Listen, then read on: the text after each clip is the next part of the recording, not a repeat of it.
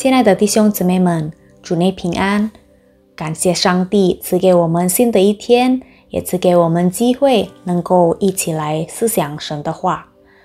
我们今天的门徒灵修取之于读经运动，我们要借着旧约的诗篇第四十一篇，一起来思想今天的主题：额外的安慰。我们先一起来祷告，慈爱的天父。感谢你保守我们一夜的睡眠，使我们在新的一天重新得力。现在我们要思想你的话，求你打开我们的心灵的耳朵，让我们能明白并活出你的话。感谢主，奉主名求，阿门。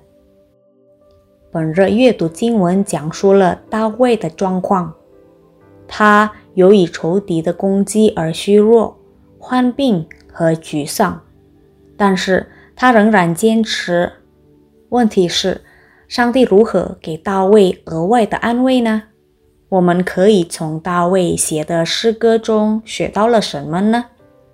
首先，大卫通过他的朋友获得了从上帝而来的安慰。需要注意的最重要的一点是。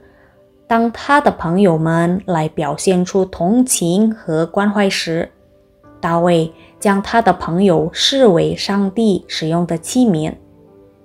因此，大卫说了祝福的话：“照顾贫穷的有福了。”希伯来文的“有福了”，正确的翻译为“蒙福了”。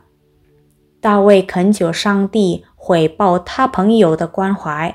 使他们免于遭难的日子，保护他们免受仇敌的伤害，并在他们生病时医治他们。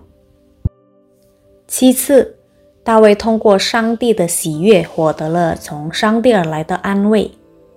当时，大卫受到了朋友们的关怀和接纳，然而他仍然盼望获得上帝的帮助。大卫谦卑地说。耶和华呀，求你怜悯我，医治我，因为我得罪了你。大卫仍然把他的事情交托于上帝，毫不怀疑上帝将为他辩解并喜爱他。虽然大卫遭受仇敌的恶劣对待，但上帝喜爱他这一项，便成为了大卫额外的安慰。甚至大卫说。连他所信任的自己的朋友，反而背叛了他。通过大卫的祈求祷告，我们可以吸取教训，就是上帝的喜悦必须优先于其他任何事情，否则我们将很容易感到失望。良友、朋友甚至家人的关怀，是上帝表达他的爱和祝福的一种方式。大卫以赞美上帝的诗歌结束了这首诗篇，这表明从这段经文的开头到结尾，大卫的重点不是在于人类即使挣扎，乃是在于上帝。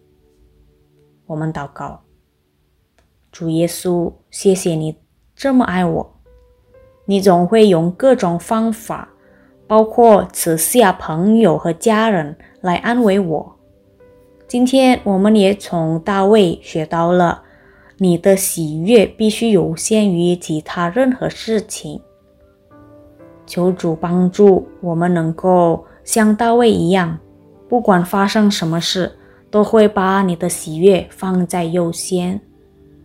感谢主，我们祷告是奉靠主耶稣基督的生命祈求，阿门。要记得。把一切的事情交托于上帝，上帝总会有各种方法来安慰我们。祝福大家有美好的一天。耶稣爱你，我也爱你。